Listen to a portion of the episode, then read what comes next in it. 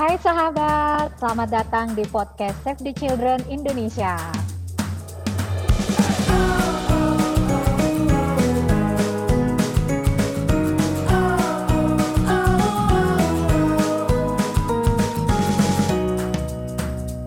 Podcast ini direkam melalui platform virtual meeting. Nah, di, episode kali ini bersama saya Dewi Sri Sumana, host sahabat hari ini. Nah, hari ini uh, aku tentunya nggak akan sendirian lah ya kalau podcast ya. kalau sendirian tuh kayak apa gitu ya. Nah, kali ini nih aku ditemenin nih ada Kak Mala Sari. Hai Kak Mala. Hai Kak Dewi, apa kabar? Alhamdulillah baik. Kamala sehat ya? Sehat dong, tentu. Oke. Nah, Kak Malasari ini sahabat adalah relawan dari Palang Merah Indonesia. Jadi Kamala ini sering banget nih ikut respon tanggap darurat bencana. 72 jam pertama langsung ada di lokasi bencana. Ceritanya kayak gimana? Terus aja ya, dengerin pokoknya podcast ini sampai habis. Terus ada juga nih yang menggemaskan nih, ada Tatiana Nurzainun atau sering dipanggil Unun. Hai Unun. Hai Kak Dewi. Apa kabar Unun? Alhamdulillah baik. Gimana? Alhamdulillah luar biasa.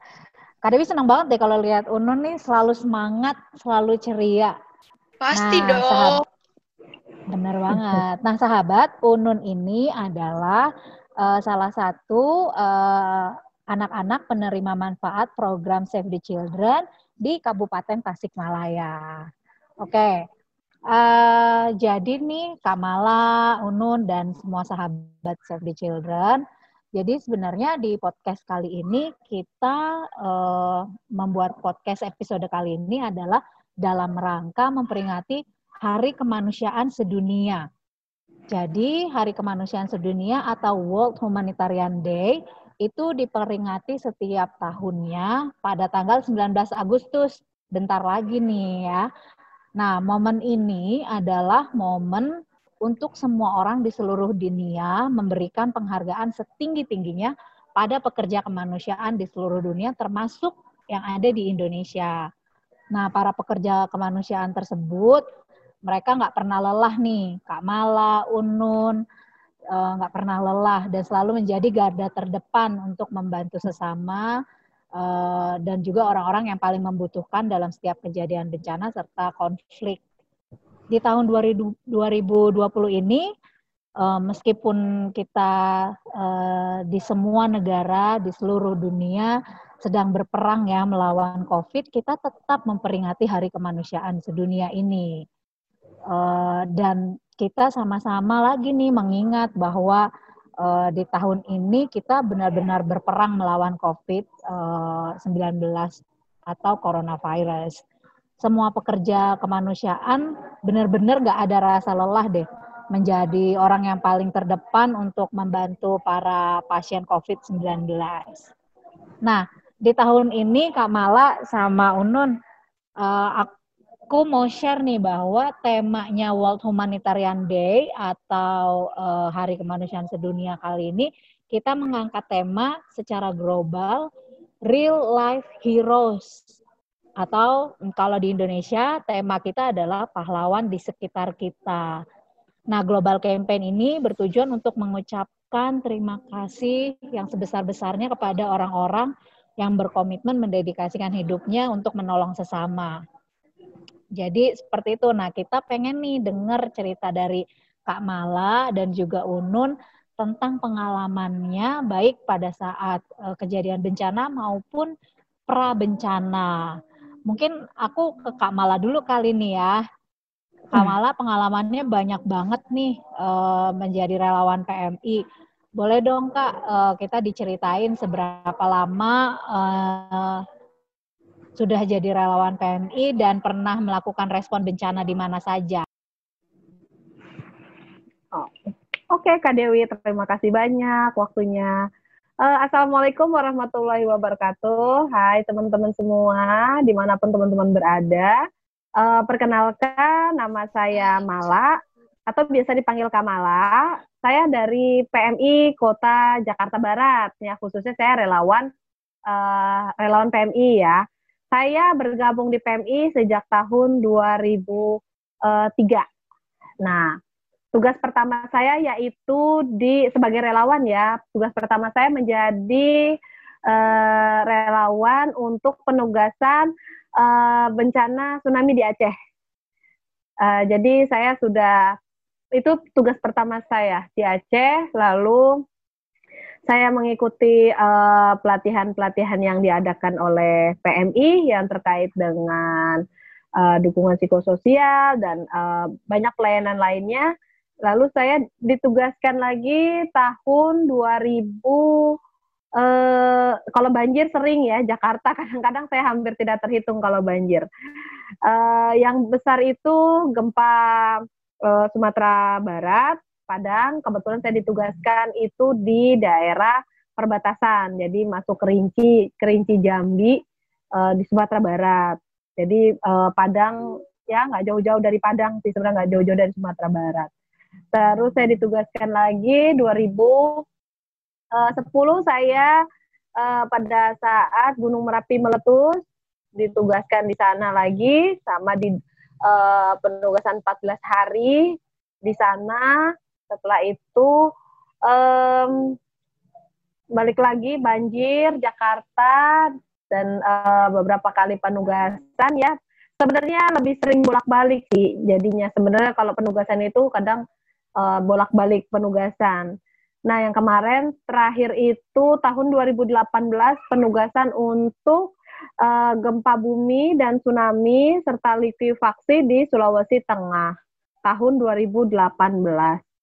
Lalu uh, gempa Banten ya yang gunung uh, anak gunung Krakatau uh, meletus ya ada tsunami-nya juga itu saya juga bertugas di sana uh, dan lalu ya pokoknya saya lebih sering bolak-balik ya seperti itu untuk penugasan. Wah, luar biasa banget Kamala. Dari 2004 berarti ya Kamala ya, uh, waktu ya, tsunami Aceh banget. ya Kamala. Iya, Wah, sampai banget. terakhir yang di Sulawesi Tengah ya Kak ya? Uh, Banten Kak, Banten. Banten tahun ah, 2019. Banten, iya iya iya. Banten Oke, okay, iya iya. Seperti Luar itu. biasa banget nih kiprahnya Kamala uh, bisa menginspirasi kita semua ya Kak ya. Nah, iya. dari selama respon bencana itu Kak, Uh, Kamala kan uh, aku dengar sering uh, hadir 72 jam pertama ya datang ke lokasi bencana. Kayak yeah. gimana sih Kak uh, 72 jam pertama itu berarti kan tiga hari setelah bencana ya? Itu kayak gimana sih Kak uh, ininya apa namanya kelihatannya situasinya? Aduh, saya merinding ya. merinding. Yang pertama, kalau 32 jam pertama itu, terutama semuanya pasti terbatas. Uh, terbatas, air terbatas, listrik terbatas, apa pun terbatas, kondisinya masih pastinya masih mencekam ya, masih gelap, masih belum banyak yang datang membantu. Terus eh, kami sebagai relawan pada saat datang ke lokasi bencana harus persiapan untuk dari mulai apa yang harus kami bawa itu harus siap sedia semua yang kami bawa di tas. Mungkin eh, apa bisa dibilang kayak saya itu kan udah punya anak dua ya, tapi masih bisa gendong carrier. Carrier itu isi perlengkapan tempur kita pada saat uh, ke lokasi bencana. Karena itu tadi mengantisipasi keterbatasan kita pada saat di lapangan di 72 jam pertama seperti itu. Otomatis uh, secara kondisi, secara mental hal itu menjadi tantangan tersendiri sebenarnya. Uh, karena uh, belum banyak yang kita lihat bisa tersenyum. Karena kan pasti semua kondisinya tegang. Masih banyak yang nangis masih banyak yang histeris. Dan itu menjadi uh, ya kalau secara pribadi jujur itu bikin mungkin kalau orang yang tidak terbiasa mendengar orang histeris atau nangis itu biasanya ngedrop. Maksudnya ngedrop uh, langsung sedih. Sama ikut-ikutan nangis kayak gitu. Itu sih yang saya uh, apa? Hmm, iya, iya, yang iya, saya iya. yang saya pikirkan adalah bagaimana saya harus cepat membantu mereka kayak gitu. Harus karena hmm. rasa di hati itu berbeda ya kalau kita ngelihat ada orang yang terkena musibah, jujur kalau saya secara pribadi itu saya seperti jiwa relawan saya itu ter apa ya ah ya pokoknya udah meronta-ronta gitu ingin membantu pada saat itu kayak Iya, gitu. iya, iya. Berarti ya Kak, 72 jam pertama itu mencekam banget ya Kak. Betul. Bantuan juga banyak yang belum datang gitu ya Kak Iya, ya. iya kita Kalau harus eh, khususnya khususnya kalau anak-anak Kak, eh, situasinya kayak gimana kalau anak-anak di tiga hari pertama kayak gitu Kak? anak-anak sendiri pada saat di awal-awal itu biasanya mereka itu nggak mau dideketin sama siapa pun kecuali sama orang tuanya terutama ya karena apa buat tiga hari kadang yang kita lihat adalah mereka itu suka ya kan eh, apa kadang-kadang ada yang rewel nangis terus. Terus kita gendong kita support nggak mau. Maksudnya kita gendong nggak mau maunya sama orang tuanya. Terus eh, kadang anaknya itu yang bengong diem kayak nggak mau ngapa-ngapain kayak gitu.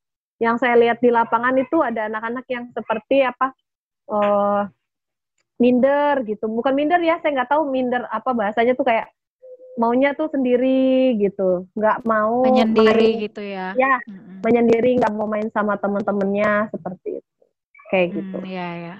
Nah, Mm-mm. Kamala kan Kamala 72 jam pertama bahkan sampai dua minggu biasanya ya kayak itu Ya. ada di eh, situasi bencana. Eh, respon apa aja sih yang Kamala berikan selama menjadi relawan PMI dan di selama situasi genting itu? Yang pertama kebetulan saya di, jadi relawan PMI itu diberikan banyak pengetahuan ya. Yang pertama tentang pertolongan pertama, saya diberikan pengetahuan untuk merawat luka, lalu saya bisa membantu untuk di dukungan psikososial ya. Ada yang namanya pertolongan pertama secara psikologis, di mana pengalaman saya kemarin itu pada saat di Sulawesi Tengah, eh, kalau masa yang awal-awal itu harus banyak pasti yang pada saat dia bercerita dia nangis. Padahal kita hanya mendata kayak gitu. Padahal kita hanya datang. Tiba-tiba dia meluk dia nangis ya. Pelayanan yang diberikannya itu dukungan psikososial ya. Kalau kita bilang psikososial support program atau PSP jadi pendekatannya itu kami tidak banyak bawa bantuan. Kan PMI banyak ya pelayanannya ya. Ada yang bawa bantuan ada yang kayak kami ini di dukungan psikososial. Sehingga kami lebih banyak menyentuh secara langsung serta berkomunikasi kepada survivor atau penyintas biasanya atau kita bilang eh, apa korban bencana lah ya kayak gitu. Terus Iya, selain iya. itu, eh, eh, jadi pada saat kita bikin sesi, kita ngobrol atau curhat bareng ya atau dukungan kelompok biasanya kita bilang di situ kita sharing ya. Kalau di kondisi yang pertama ya lebih banyak mereka nangis mereka nangis, mereka peluk kita, ya kita eh, kalau mereka peluk kita kecuali tapi ya se- sama-sama segender ya maksudnya kalau perempuan sama perempuan tentunya seperti itu. Jadi pada saat itu eh yang apa mereka itu lebih yang saya rasakan adalah setiap saya kunjungan ke wilayah-wilayah yang memang mereka terdampak bencana itu yang pasti pertama kali yang mereka lihat adalah mereka mau cerita sama kita terus mereka meluk kita. Kami relawan PMI. Terus eh, selain itu pelayanan kita adalah eh, kita bikin eh, seperti semacam eh, kegiatan religi kayak entah pengajian atau kita buat doa bersama seperti itu selama di bencana. Karena banyak banget kan ada mungkin ada dapur umum ya kita makan bareng tapi tergantung sih eh, teman-teman eh, kalau misalnya kegiatan kita itu apalagi dukungan psikososial biasanya kembali ke kegiatan masyarakat sebelum terjadi bencana seperti itu. Jadi kita kembalikan ke mereka. Kegiatannya mereka apa kita bantu. Kayak pengajian kah Hmm. atau kegiatan masak memasak atau kegiatan eh, apa kebudayaannya mereka seperti itu. Biasanya kita terus membantu. Kayak gitu. Oke. Dewi. Berarti respon yang dilakukan Kamala berarti eh, responnya lebih banyak tentang memberikan layanan dukungan psikososial ya Kak ya. iya betul Which is itu eh, sangat dibutuhkan sekali gitu ya di 72 jam pertama ya Kak ya. Hmm. Soal terkait dengan eh, memberikan eh, layanan eh, pertolongan pertama untuk eh, psikologis ya Kak ya. Iya Luar betul. biasa banget nih Kamala ceritanya. Makasih banyak Kamala. Aku lanjut ke Unun nih sekarang. Iya. Nah, hai Unun. Hai Kak Dewi. Oke, Unun, kita kan tadi udah denger ya ceritanya Kamala bahwa ya, banget aduh uh, mantap Kamala itu benar-benar memporak-porandakan kehidupan ya. Nah, itu memporak-porandakan kehidupan, banyak korban jiwa, seperti itu kan ya. Nah, uh, menurut Unun nih, apa sih hikmah yang bisa diambil dari sebuah kejadian bencana? Kalau menurut aku sih pastinya banyak banget ya hikmah yang dapat kita ambil dari kejadian bencana. Misalnya kita dapat mengevaluasi diri dan mengambil hikmah supaya kita lebih melakukan kegiatan-kegiatan yang positif yang dapat membantu dan menjaga melestarikan alam kita. Contohnya ya, di kampung Unun nih, di kampung aku tuh kadang satu bulan dua kali, kadang seminggu sekali, setiap RT tuh suka ngadain gotong royong gitu, ya untuk, emang sih tujuannya untuk menjaga kebersihan, kayak membersihkan jalan, membersihkan ganggang rumah, kayak gitu, Kak Dewi. Bahkan ya, sampah-sampah hmm. yang ada di rumah hmm. warga pun dikumpulin di satu titik. Nantinya tuh dibawa sama petugas ke tempat pembuangan akhir. Terus hikmah yang kedua, yang kedua kita tuh jadi ada persiapan kayak lebih prepare gitu karena kan uh, uh, karena wah uh, jadi nantinya kita tahu bakal bagaimana bagaimana pasca bencana saat terjadi bencana kita tuh tahu. Terus tuh di di aku ya kan deket gunung berapi gunung Galunggung.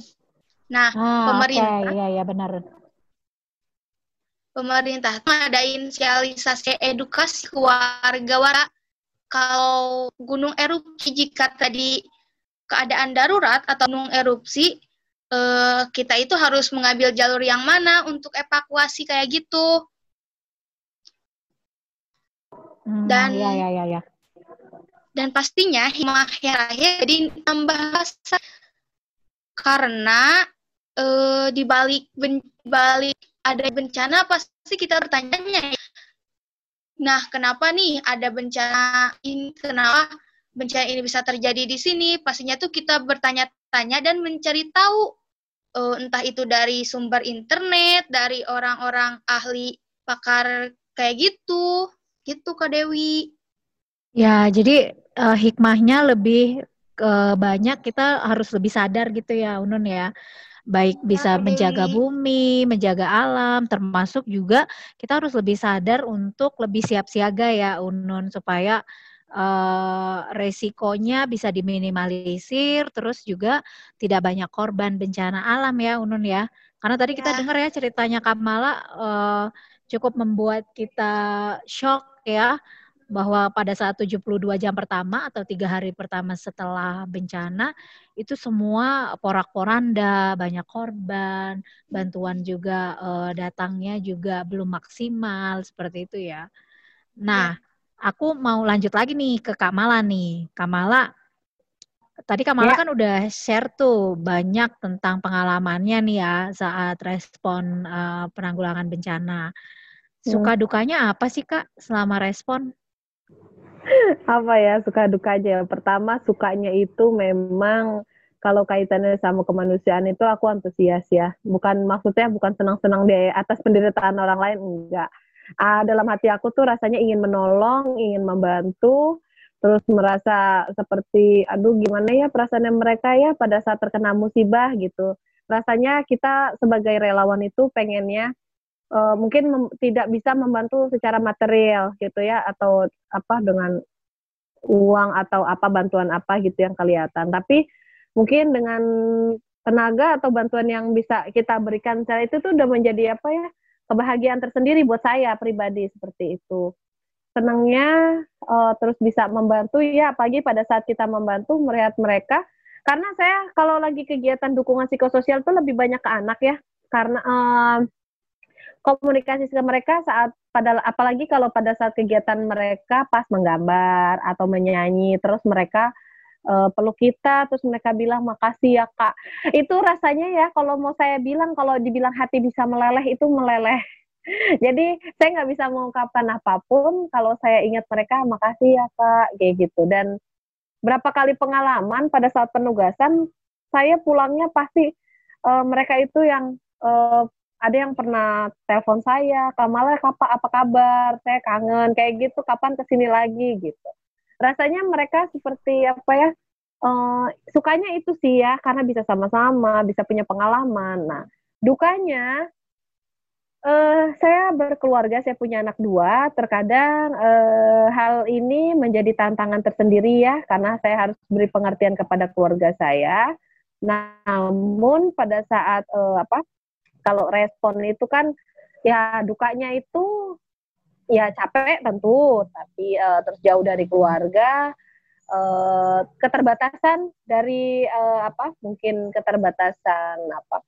Uh, fasilitas atau yang kita butuhkan mungkin tidak tidak sesuai yang diharapkan, misalnya seperti itu nggak uh, apa-apa. Jadi uh, saya merasa ah itu kadang-kadang dukanya malah ketutup sih karena rasa senang mereka bahagia ya sama kedatangannya apa kami dari relawan PMI ya terutama pada saat tanggap darurat bencana kayak gitu pada saat respon. Nah iya ya.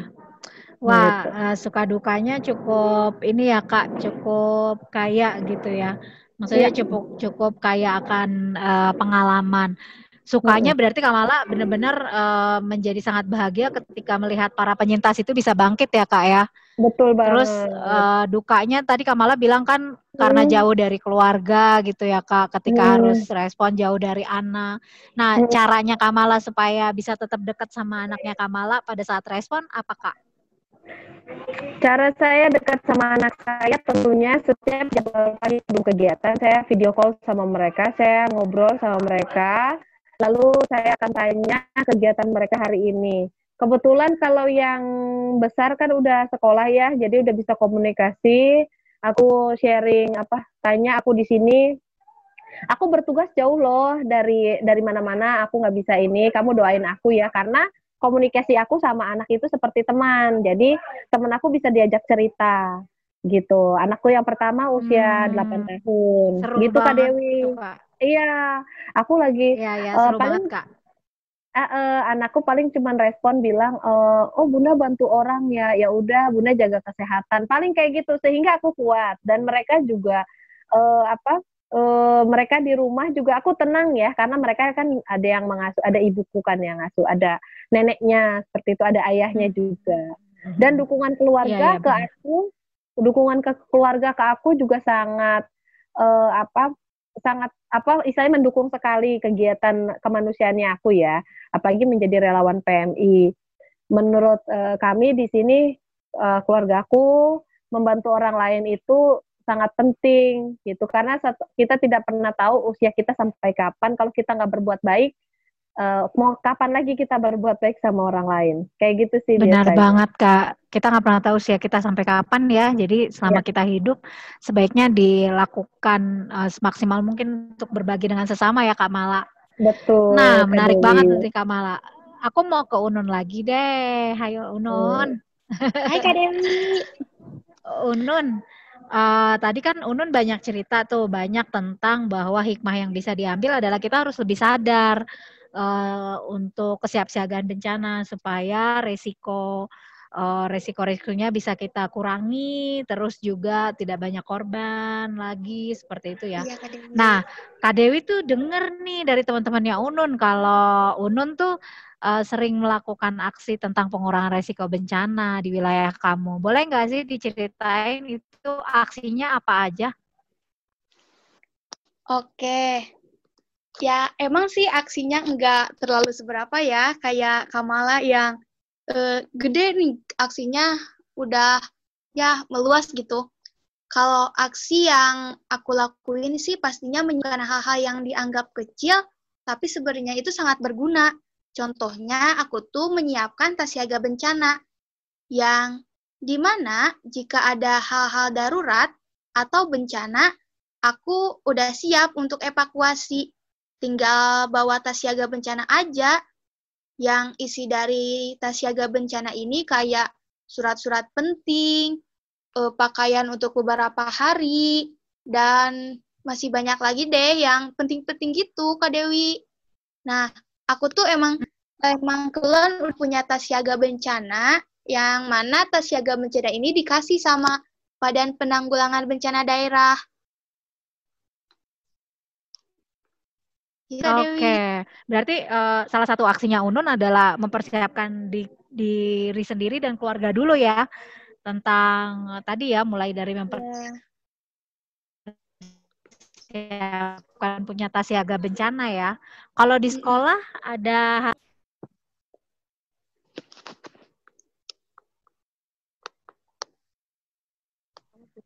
Hai Unun. Hai Kak Dewi. Suaraku putus-putus ya? Iya. Gak tahu ah, uh, jadi ya? Nah, jadi kan tadi eh, apa namanya Unun cerita bahwa upaya pengurangan risiko bencana yang Unun lakukan itu mulai dari diri sendiri dan keluarga kan dengan menyiapkan tas siaga iya. bencana. Yeah. Nah, kalau di sekolah ada nggak yang Unun udah lakukan? Wah, kebetulan aku itu dulu pernah yang kegiatan Badan Penanggulangan Bencana Daerah di Desa Tangguh Bencana. Aku tuh ikutan sama teman sekelas aku tuh di desa. Nah, aku tuh sharing-sharing dari materi yang didapat dari kegiatan Desa Tangguh Bencana itu. Nah, materi itu mengenai simulasi gunung itu di mana isinya tuh kita tuh diajarin cara mengevakuasi korban, terus tuh cara mendirikan penginapan sementara, kayak gitu Kak Dewi. Nah, aku tuh sharing sama hmm. teman-teman, hmm. teman-teman kelas uh, tentang cara mengevakuasi korban, cara mendirikan gitu, mendirikan penginapan sementara di Pramuka sih sharingnya kalau penginapan sementara Ya, ya, ya, luar biasa. Jadi ada uh, hal-hal yang dilakukan juga di sekolah ya tentang pengurangan risiko bencana ya Unun ya. Nah, ya, Unun kenapa sih kenapa sih uh, kok Unun mau melakukan itu menyiapkan tas siaga bencana di rumah, terus Unun di sekolah suka mengedukasi teman-temannya tentang kesiapsiagaan bencana. Kenapa Unun mau melakukan itu? Yang pasti sih karena sebagai manusia yang punya rasa kemanusiaan yang tinggi, pastinya kita tuh gak ya terjadi hal-hal bencana, hal-hal yang enggak apa ya kayak enggak di luar dugaan gitu kayak bencana-bencana alam, bencana alam ataupun bencana non alam. Tapi kan kita harus punya persiapan uh, untuk diri kita, untuk masyarakat. Kayak gitu Kak Dewi. Soalnya kalau kita gak ada persiapan, bisa jadi nanti ya amit-amit ya, bisa jadi kalau ada bencana tuh kayak nggak ada persiapan mah ya ya udah kita tuh bakalan gimana gitu. gitu iya bener banget. Kita nggak mau porak-poranda kayak yang tadi Kamala ceritain ya. Iya. Jadi uh, memang pengurangan risiko bencana jadi penting banget ya Unun ya untuk kita persiapan iya, ya supaya kita tetap siap, selamat, dan siaga ya Unun. Oke, okay. iya, iya, aku lanjut ke Kamala nih. Kamala, uh, Kamala dari sekian banyak tuh dari mulai Aceh sampai Banten terakhir kemarin tadi ya, ada cerita menarik nggak sih kak uh, secara individu uh, misalnya anak-anak yang Kamala bantu atau ibu-ibu atau orang tua yang Kamala bantu ada cerita yang menarik nggak kak?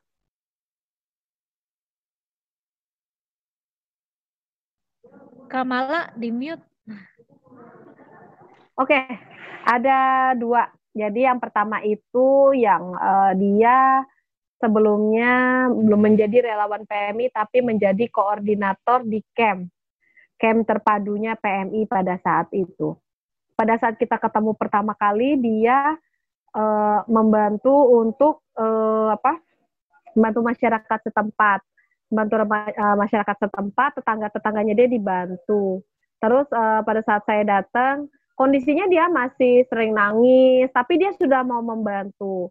uh, tapi dia bisa ngajak anak-anak. Akhirnya pada saat itu kita ngajak dia untuk uh, apa? Kita ajak dia untuk bergabung menjadi relawan PMI itu pada saat di Sulawesi Tengah.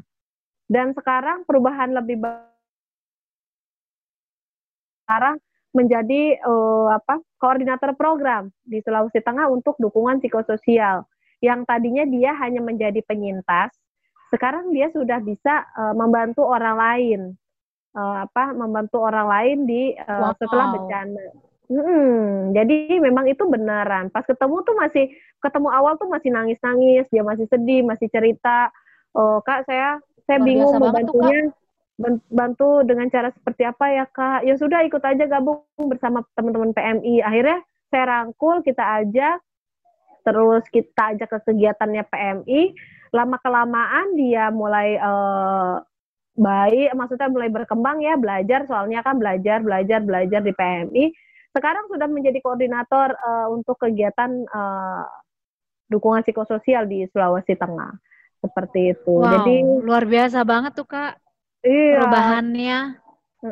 Perubahannya karena dia uh, apa ingin membantu orang lain tapi uh, bingung caranya seperti apa ya. Saya bilang udah ikut aja bergabung sama PMI seperti itu kan kebetulan pada saat itu P, relawan PMI terbatas banget ya pada saat di Sulawesi Tengah ya kayak gitu kan.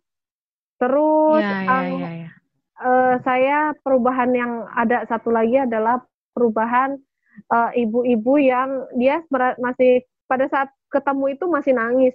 Karena kehilangan menantunya yang dia sayang. Menantunya itu laki-laki karena anak dia semua perempuan. Menantunya laki-laki yang sangat membantu setiap harinya. Kayak bantuin ke pasar, bantuin di rumah seperti itu, yang dia sangat kehilangan sekali. Uh, hampir uh, satu bulan pada saat itu dia saya sulit melupakan ya, karena anaknya dia sendiri itu fraktur atau patah tulang belakang sehingga sulit sekarang uh, sulit sekali untuk bergerak dan suaminya hilang, jadi si menantu ini hilang. Tapi lama kelamaan si ibu ini yang saya lihat perubahan terakhir adalah dia mau berjualan lagi di pasar. Sebelumnya beliau tidak apa masih belum belum belum bisa untuk melupain itu semua ya. Yang saya senangnya adalah dia mulai move move on. Bahasa kita mulai merasa uh, dia harus berusaha lagi, dia harus jualan lagi demi menghidupi uh, anaknya dia yang sekarang uh, kondisinya itu uh, apa sakit ya atau uh, apa disabilitas. Karena kan tulang belakang ya udah susah untuk jalan. Seperti itu. Ya itu sih yang uh, yang cerita menariknya. Karena ya, pada ya. saat eh, luar biasa banget kak ya. ceritanya oh, oh, karena pas terjadi bencana itu dia hampir tenggelam di dalam lumpur likuifaksi di Petobo pada saat itu itu uh, yang uh, ada ada banget um, ya Iya, ada pada saat itu saya uh, ada foto sama sama sama beliau-beliau. Jadi beliau itu berapa saudara yang terpisah hanya uh, tidak banyak lah itu. Saya sempat wawancara beliau pada saat awal-awal seperti itu. Makanya hmm. saya senang banget pas perubahannya lebih Keren baik udah mau ke pasar kayak gitu, udah mau belanja, udah mau jualan ya, ya, lagi. Ya, ya. Seperti itu. Ya luar biasa banget Kamala perubahannya dan dan itu benar-benar membawa uh, kebangkitan ya uh, para penyintas ini mereka jadi bangkit iya. tangguh yeah. mereka Betul. resilience gitu ya uh, setelah uh, mereka mendapatkan musibah gitu luar biasa yeah. banget nih.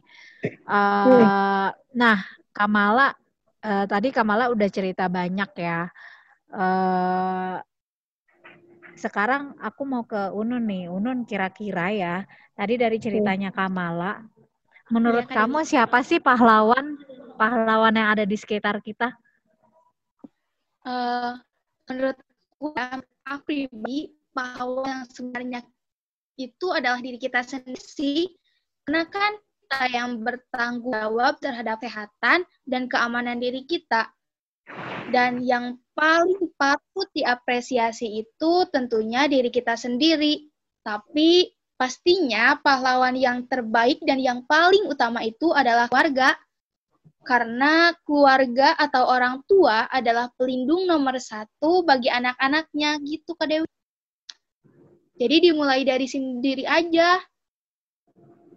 dimulai dari diri sendiri ya. Kita artinya pahlawan itu uh, setiap orang bisa jadi pahlawan ya, Unun ya. Iya. Ah, Kamala, siapa sih ya. pahlawan di sekitar kita menurut Kamala? Pahlawan di sekitar saya adalah ibu saya. ibu saya, karena ibu saya mengajarkan saya banyak hal untuk saling uh, apa berbagi, saling membantu. Uh, saya belajar respon bencana itu sebenarnya dari ibu saya. Karena Jakarta itu sering banjir. Yang sering ngingetin kalau misalnya banjir itu sudah setinggi apa dan kita harus melakukan apa, contoh melakukan apa. Airnya udah sepinggang nih, ayo kita buru-buru angkatin uh, meja, uh, beresin baju dalam lemari, ditaruh di bak misalnya seperti itu. Uh, ibu saya dari mulai sejak kecil itu selalu memberikan instruksi seperti itu. Sehingga uh, mungkin kalau kalau apa ya uh, saya nggak menjadikan ibu saya sebagai pahlawan gitu ya mungkin saya nggak bisa sekarang ini bisa jadi relawan PMI bisa uh, bertugas di mana-mana seperti itu. Menurut saya pahlawan saya itu ibu saya itu wah keren saya, banget nih Kamala dan Unun Artinya iya. semua yang disampaikan Kamala dan Unun itu yang namanya pahlawan di sekitar kita itu ya kita gitu ya. Kita bisa jadi pahlawan, siapa pun bisa jadi pahlawan demi kemanusiaan. Nah, terakhir nih uh, Kamala dulu deh. Uh, apa pesan Kamala untuk uh, anak-anak dan setiap orang uh, yang ingin membantu sesama, ingin menjadi pahlawan? Yang pertama, kalau mau menjadi pahlawan atau pekerja kemanusiaan, harus berhati-hati pada saat bertugas, siapkan diri, eh, siapkan diri. Antara lain biasanya kan kita harus tes dulu, jadi siapkan fisik apakah kita uh, bisa bertugas di sana dengan kemampuan kita misalnya nggak lagi sakit terus memaksakan diri seperti itu. Jadi jangan sampai kita di sana menolong malah kita yang ditolong. Itu prinsip untuk pekerja kemanusiaan tentunya. Terus jaga sikap di sana karena adat istiadat itu berbeda antara uh, kita mungkin yang dari Jaka, uh, di Jakarta ya misalnya ya. Di Jakarta berbeda sama yang di uh, luar daerah seperti itu kita punya adat istiadat yang berbeda Lalu jaga komunikasi, kalau nggak ngerti biasanya ada lokal, seperti itu. Pesan saya, jaga kesehatan, eh, jangan memaksakan diri pada saat bertugas itu di forsir ya, atau 14 hari, 14 hari, 24 jam bertugas. Tidak istirahat. Nanti kasihan pada saat pulang ke rumah, uh, orang keluarga yang di rumah itu menanti kalian gitu. Nanti bukannya kalian men, uh, setelah menolong kita berbahagia ya malah sakit seperti itu. Jadi kita juga harus uh, menjaga jasmani dan rohani kita. Itu sih supaya dan nggak sembrono pada saat penugasan. Ikutin uh, apa uh, panduan keselamatan kita, jaga nama baik organisasi atau lembaga yang kita bawa seperti itu. Itu saja sih ah. kalau dari saya. Gitu. Keren banget pesannya Kamala. Makasih banyak Kamala. Unun, kira-kira hmm. apa pesan Unun untuk anak-anak atau untuk setiap orang yang ingin membantu sesama?